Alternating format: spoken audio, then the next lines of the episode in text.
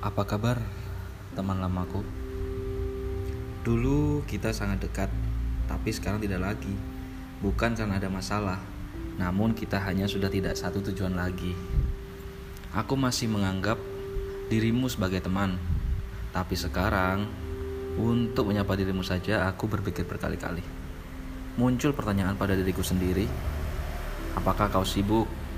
Apakah kau masih mengingatku? Dan apakah aku masih dianggap dirimu sebagai seorang teman? Kita hanya pernah dekat.